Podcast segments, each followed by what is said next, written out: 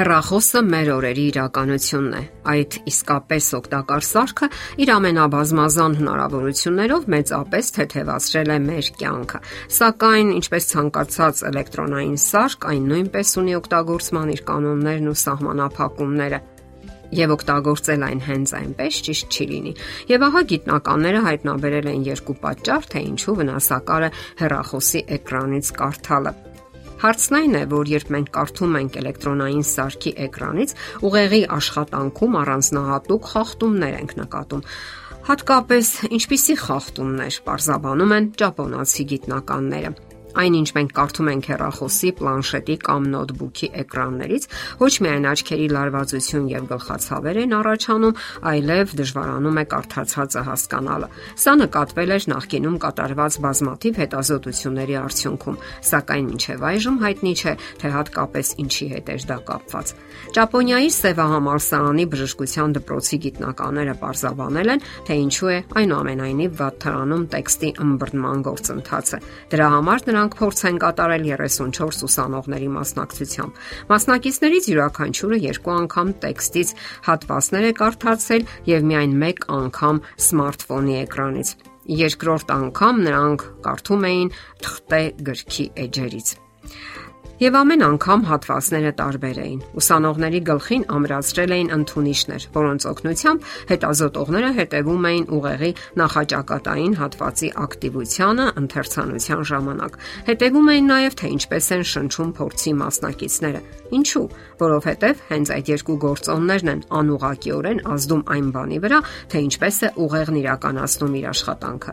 Ահա թե ինչ ողջվեց հետազոտության արդյունքում։ Ինչպես ցույց տվեցին եզրափակիչ տեստերը, ուսանողներն անհամեմատ ավելի լավ էին հասկանում կարդացածը, եթե կարդում էին թղթից, այլ ոչ էկրանից։ Հետազոտության մասնակիցների ներշնչման հաճախությունը կախված էր կրիչից, որից նրանք կարդում էին։ Այսպես, երբ նրանք կարդում էին թղթից, ավելի հաճախ էին խոր ներշնչումներ կատարում, քան երբ կարդում էին էկրանից։ Ինչու է դա կարևոր։ Հայտնի է, որ մարդը անգիտակցաբար ներշնչում է կատարում, որpիսի բարելավի ուղեղին թթվածին մատակարարելը եւ դրանով բարձրացնի իր աշխատանքի արդյունավետությունը։ Եվ պատահական չէ, որ նախորդ ուսումնասիրությունները ցույց էին տվել, որ մարդիկ ավելի հաճախ էին ներշնչում, երբ այնպիսի բարդ առաջադրանքներ էին կատարում, որոնք մտավոր մեծ լարվածություն էին պահանջում։ Գիտնականները նկատեցին նաև, որ էկրանից ընթերցանության ժամանակ ուղեղի նախաճակատային հատվածի ակտիվությունը զգալիորեն բարձր է,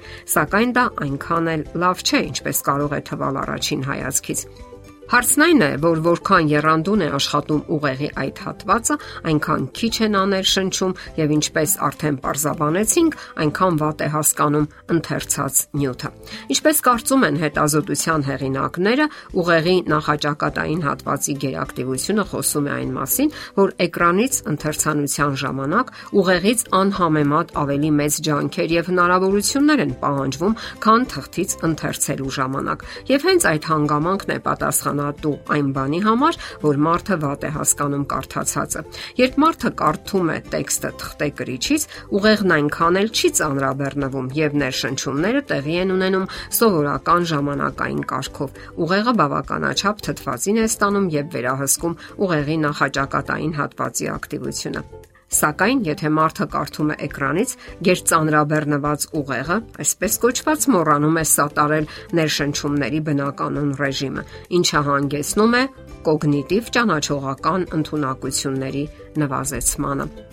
Ելնելով դրանից հետազոտողները խորհուրդ են տալիս տեքստերը կարդալ թղթե գրիչներից, եթե իհարկե կա ընտրության հնարավորություն։ Իսկ եթե չունեք այդ հնարավորությունը, ապա հարկավոր է ժամանակ առ ժամանակ խոր ներշնչումներ կատարել։ Դա կօգնի, որ ուղեղը կարողանա հաղթահարել իր արժև դրված առաջադրանքները։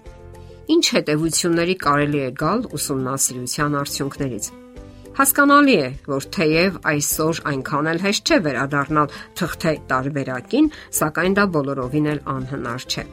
Այսօր մեծ քանակի գրականություն է տպագրվում ամենատարբեր բնագավառներից։ Դա եւ գեղարվեստական գրականությունն է, եւ մասնագիտական, եւ ընդհանուր ճանաչողական։ Կարելի է դրանք կարդալ եւ սովորություն դարձնել այնպես, որ ընթերցանությունը դառնա մեր կենսակերպի մի մասը, ինչպես հին բարի ժամանակներում էր։ Հերախոսը, պլանշետը կամ համակարգիչը միգուցե ավելի քիչ տեղ են զբաղեցնում տեխնիկական առումով, սակայն թղթից ընթերցելը ավելի օգտակար է, ինչպես հայտարարում են փորձի հեղինակները։ Եվ հետո հասկանալի է, որ գեղարվեստական ընթերցանությունը ավելի երկար ժամանակ է պահանջում եւ բոլորովին էլ հարմար չէ կարդալ էլեկտրոնային էկրանից ամենատարբեր պատճառներով։ Հեռախոսի էկրանը փոքր է, լույս ճառագայթներ է արձակում, զանգեր, նամակագրություն ձեռքի հետ եւ այլն։ Իսկ երբ ընթերցում եք էլեկտրոնային կրիչից, տրանսպորտում եւ անգամ քայլելիս, դա արդեն ավելի լուրջ հիմնախնդիրներ կարող է առաջացնել թե տեսողության եւ թե ընկալման տեսակետից։ Բոլոր դեպքերում ընտրությունը ձերն է։ Ժամանակակից կյանքը իր նոր հնարավորություններն է առաջարկում ձեզ, սակայն դրանցից հարկավոր է օգտվել խելամիտ եւ սթափ ձևով։ Ի վերջո առողջությունն ավելի կարեւոր է եւ հարկավոր է այն պահպանել լավագույն վիճակում։ Եղեք գրագետ, խելամիտ եւ անպայման առողջ։ Եթերում առողջ ապրելակերպ հաղորդաշարն է։ Հարցերի եւ առաջարկությունների համար զանգահարել 033 87 87 87 հեռախոսահամարով։